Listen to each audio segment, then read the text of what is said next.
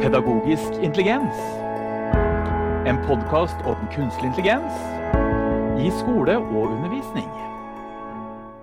Hei på deg, og hjertelig velkommen til podkasten Pedagogisk intelligens og episode 22, som vi har kalt Har chat-GPT blitt dummere? Eva, det er jo sånn at når vi jobber med teknologi, så er vi ofte vane med at uh, teknologiutvikling over tid gjør at ting stadig blir bedre og bedre. Kan det virkelig være sånn at uh, språkmodeller blir dummere? Ja, det kan sannelig lure på, fordi som jeg har sagt mange ganger før, så syns jo jeg at det er en ganske stor forskjell for eksempel i hva slags versjon av ChatGPT jeg sitter i. Og jeg ser jo at det er jo mange som peker på at de har blitt litt eh, dummere etter hvert. Eh, og det skulle vi jo ikke forvente, egentlig. I august i år så kom det ut en artikkel fra to Stanford, en, en Stanford og en Berkeley-professor. Eh, eh, den heter 'How is ChatGPT's behavior changing over time?'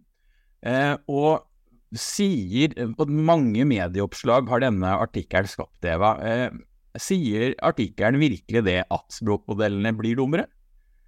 Nei, den sier egentlig ikke at de blir dummere i den forstand. Eh, det de peker på, er at den har blitt mindre nøyaktig, på den ene sida. Eh, og, og, sånn sett kanskje da svarer mer feil, og hvis man da skal si at det er en definisjon av dummere, så, så kan det nok tyde på at i hvert fall i noen typer oppgaver at den har blitt litt, uh, litt dummere, da. Og uh, det andre er jo at uh, den endrer litt på språket, men den i forhold til hva, hvor mye den sier. Og det er jo sånn at noe av utfordringa med ChatGPT er at OpenAI er veldig lite transparent i forhold til hva de gjør. Så de har jo egentlig ikke noen konklusjon på at den har blitt dummere i seg selv men sier det at den har endret oppførsel over tid, er det som egentlig står. Når jeg hørte disse nyhetsoppslagene, så stussa jeg veldig for at eh, jeg som lever i en verden og bruker ChatGPT4 hver dag, jeg har ikke merket at ChatGPT4 har blitt dummere. Ja, jeg er jo litt uenig med deg, fordi at jeg synes jo det at eh, ChatGPT har vært litt uh, lunefull. Og jeg bruker jo ChatGPT4 veldig mye. Og spesielt eh, i forhold til at den har blitt litt dårligere av og til. Den begynner å skrive helt andre ting enn det jeg spør om. Eh, jeg ser eh, når vi har lagd litt mer kompliserte ledetekster, så fungerer det godt en periode, og så plutselig så begynner den å finne på helt andre ting. Og så må jeg skrive da at det var ikke dette jeg ba om. Og da er den jo selvfølgelig fortsatt veldig høflig, og så sier jeg jeg beklager, jeg prøver på nytt. Så Ofte må jeg liksom få den tilbake på sporet litt, og da tenker jeg så dum du er, tenker jeg av og til. Så at kanskje jeg er litt enig i at den har blitt litt dummere av og til, i hvert fall tidvis. Jeg kan være enig i at jeg trodde at dette med at han, han får error, altså feil i generering av tekst, det trodde jeg skulle være forbi når jeg betalte for ChatGPT4, men det ser jeg jo stadig skjer ofte.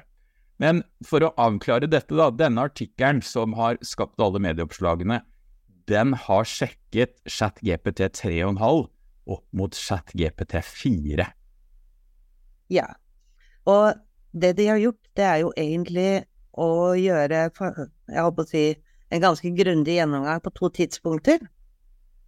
Og hvor de har sett både på hvordan ChatGPT 3.5 og ChatGPT 4.0 har oppført seg, altså hvordan de har svart. Og de har jo lagt opp til noen ulike typer oppgaver.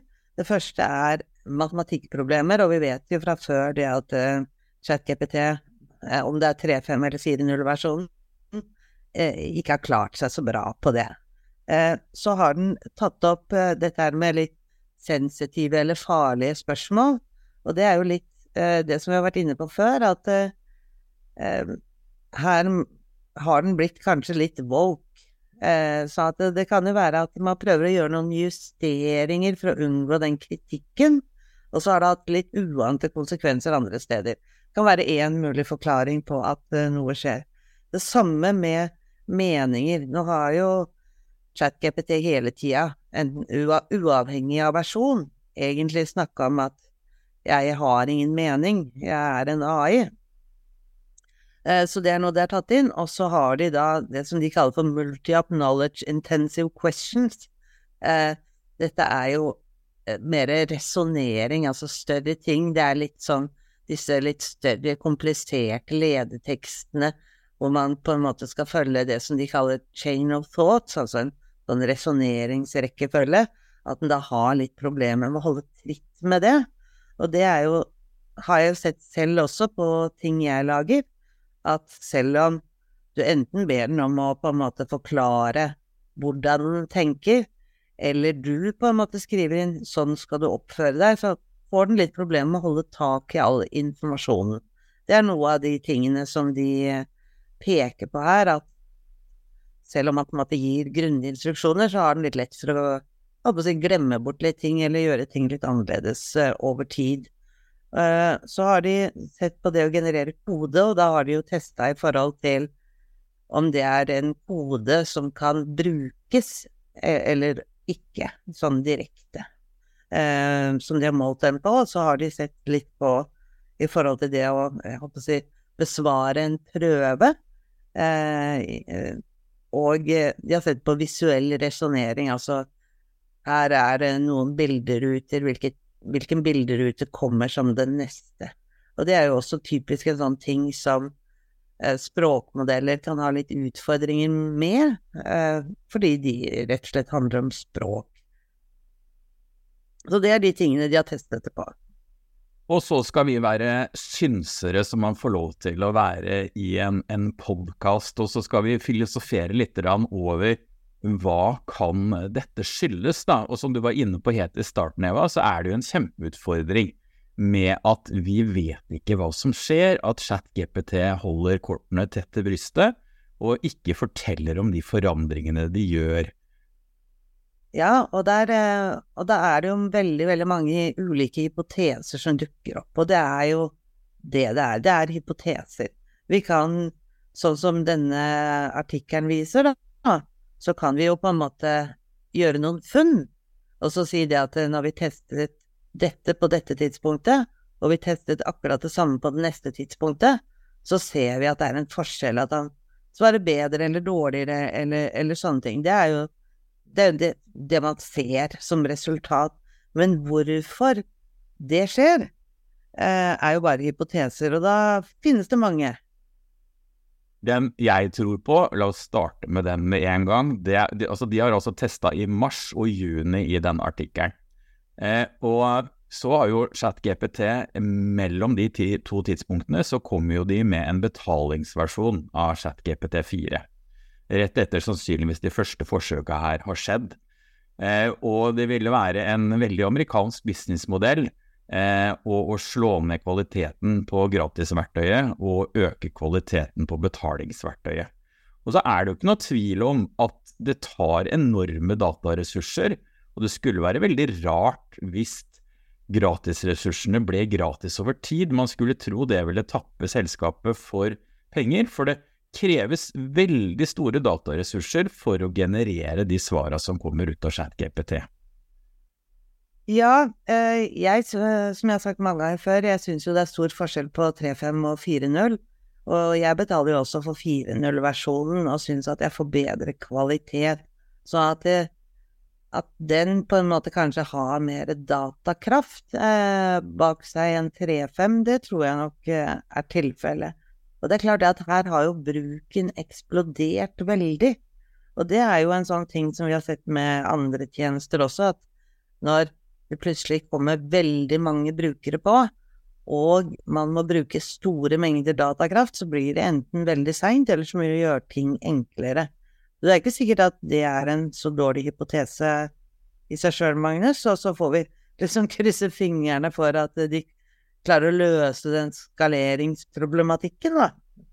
For 3,5 er jo fortsatt ganske rask, og da blir det motsatte konklusjonen, da, at de har snevret inn på datakraft per søk, eh, er min gjetning. Og jeg vil poengtere at det er en gjetning i så tilfelle, så nå, nå, er vi profeter og ikke akademikere. Ja, det er en annen hypotese som eh, også har florert ute. Det er jo at det er brukerne som har gjort eh, språkmodellen dummere. Ja, for human enforced learning kaller vi det når vi trener opp en språkmodell. Og den hypotesen den går på at eh, når vi har trykket på tommel opp og tommel ned eh, på svar vi har fått ut av språkmodellen, så har vi vært med på å være for dårlig kvalitetssikre av teksten. Så vi har på en måte lært opp språkmodellen til rett og slett å gi dårligere svar. Ja, og, og det kan jo også være sånn at når uh, du får veldig mange, så kan det være at man begynner å ta inn, jeg holdt på å si, uh, detaljer som kanskje er litt uvesentlige, som på en måte mer tåkelegger det hele enn uh, å gi klare svar. Det som er litt utfordringa, som har blitt pekt på også flere ganger, det er jo at vi veit ikke helt hvordan det blir brukt, og hvor mye det blir brukt, og når det blir brukt. Og når eh, på en måte dette blir implementert i, i denne løsningen. Så at, eh, det er derfor det bare må bli en hypotese, det også. Jeg hadde en prat med produkteieren for Microsoft i Norge, eh, og han sa at de ikke brukte de dataene som eh, blir generert i Bing i Norge til å trene opp språkmodellen videre. Det han sa til meg, at det er så utrolig dyrt å trene opp en språkmodell, så det gjør man veldig sjelden. At man bygger på denne opptreninga av ChatGPT4, så justerer man riktignok dette filteret som ligger over mellom spørringen og språkmodellen, men det å trene opp språkmodeller, det gjør man ytterst sjelden. Og derfor er det en hypotese som, som er lite trolig, tenker jeg. Ja, samtidig så gir det jo litt mening dette her med treningen, da. Altså at man får liksom tilbakemeldinger på er dette godt eller dårlig svar, for eksempel. Sånn at man på en måte kan justere seg inn. Det er jo en sånn type trening. Men hvis du sammenligner det med, med sport, da, så er det jo klart det at man kan jo trene mye, men man men trener man feil, så, så, blir man ikke noe bedre om man får skader. Så det er kanskje litt sånn man kunne ha tenkt seg det. Men man sagt, dette vet vi jo ikke, så det er bare én mulig forklaring av mange. Har vi flere hypoteser på hva som dette kan skyldes? Eh, nei, egentlig ikke så veldig mange mer. Det er de som er på en måte de gjennomgående eh, hypotesene rundt dette her. Eh, og så er det jo selvfølgelig vi må jo også tenke det at jo, det er Vi kaller det kunstig intelligens, men det vi snakker om, er en språkmodell. Eh, den skal produsere tekst. Men noe av det som vi ikke har snakka om, som kommer litt fram i denne rapporten, det er jo at eh, det som eh, man ser er en stor utfordring, bortsett fra at den kan være unøyaktig, og at og språkdrakten endrer seg. Hvis du har lagd et eller annet lang og fin og god ledetekst for at du skal få ut på en måte i et bestemt format, for eksempel noe informasjon, så kan du ikke Det blir veldig vanskelig å få det samme resultatet hver gang du gjør det. Og det kan skape en utfordring for bedrifter som på en måte skal integrere dette i sin daglige arbeidsflyt. Eh, for da plutselig en dag kommer du ut på denne formen, en annen dag så kommer du ut på en helt annen form. Uh, og da blir det veldig, veldig vanskelig å, å, ta det i bruk på en god måte, sånn at de sier at bedrifter som integrerer språkmodeller i sine arbeidsprosesser, er nødt til å monitorere disse endringene over tid, sånn at man er klar over dem. Det, det står det ganske tydelig. Og der kjenner jeg meg igjen litt, Eva. I forrige episode så hadde vi en lang prompt som ble en slags veileder for eh, eleven. Eh, og vi opplevde jo i løpet av 14 dager, 14 dager før, så virket denne ledeteksten. Eh, og akkurat når vi skulle spille inn forrige episode, så virket den ikke. Og da måtte vi gjøre noen omgjøringer på ledeteksten og be den tenke mer stegvis for å få den til å fungere igjen. Så det må være veldig fortvilende, tenker jeg. Det er mange som begynner å bruke eh, språkmodellen som en aktiv del av arbeidshverdagen sin, og så at dette verktøyet plutselig ikke er forutsigbart, det tenker jeg ikke er så bra. Nei, og det er jo det, litt det jeg ser også, som uh, har veldig mange sånne lange ledetekster som jeg bruker. Uh, og når det da kommer ut i én form, uh, ikke sant Jeg har fått lagd det til akkurat sånn som jeg ønsker å ha det, og så neste dag så kommer det noe helt annet ut. Da, da, blir det litt fortvilende. Og det er klart det at for meg som person, så er det bare litt sånn småfrustrerende eh, for øyeblikket. Jeg kan på en måte spørre opp igjen og si nei, ikke akkurat helt sånn, jeg ville ha det heller sånn, nei, kan du gjøre det lik dette eksempelet her, gjøre det på samme måten? Jeg har sett at jeg må liksom starte flere samtaler på nytt for å prøve å liksom få ut akkurat det samme som jeg ville ha før.